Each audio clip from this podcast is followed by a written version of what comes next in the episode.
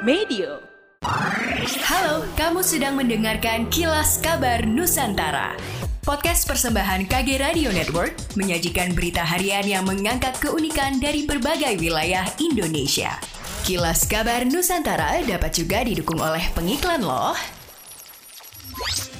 Kondisi papan reklame di Jalan Panglima Sudirman depan Hotel Asida Kota Batu sudah tidak layak. Pasalnya, bagian bawah tiang besi penyangganya sudah berkarat dan kropos dan kondisi ini dapat membahayakan bagi para pengguna jalan yang melintas.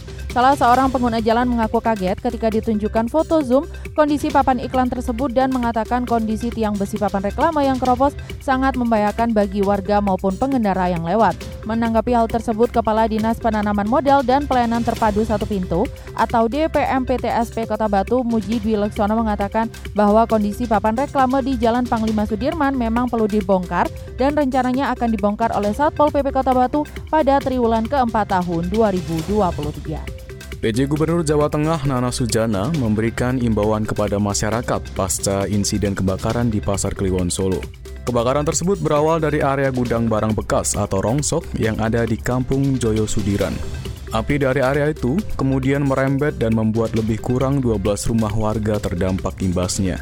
Hal itu tidak lepas karena kebakaran Pasar Kliwon Solo terjadi di area yang padat penduduk. Nana menyampaikan warga diimbau agar memastikan listrik di rumah betul-betul dimatikan sebelum meninggalkan rumah.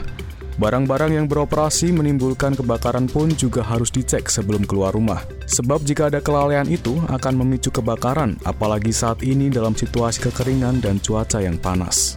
Novi Mamahit, Kadis Koperasi dan UMKM Kota Manado menyampaikan pemerintah kota lewat Dinas Koperasi dan UMKM senantiasa mendorong kemajuan sektor UMKM yang selama ini telah menjadi roda penggerak ekonomi masyarakat. Disampaikan oleh Novi, pemerintah kerap melakukan pertemuan atau sharing dengan pelaku UMKM untuk menyerap aspirasi sehingga dapat menghadirkan masukan dalam mengembangkan UMKM ke depannya. Ia mengatakan terdapat beberapa masalah dalam upaya mengembangkan sektor UMKM di Manado. Di antaranya adalah perihal ketersediaan pasar yang masih belum begitu besar. Ditemui ketika membuka kegiatan bisnis matching padi UMKM Garapan Telkom Indonesia, Novi mengutarakan dalam membuka pasar tersebut kolaborasi antara pemerintah dan BUMN maupun pihak lain akan sangat diperlukan. Namun begitu pemerintah pun jelasnya terus melakukan berbagai daya dan upaya. Demikianlah kilas kabar Nusantara malam ini.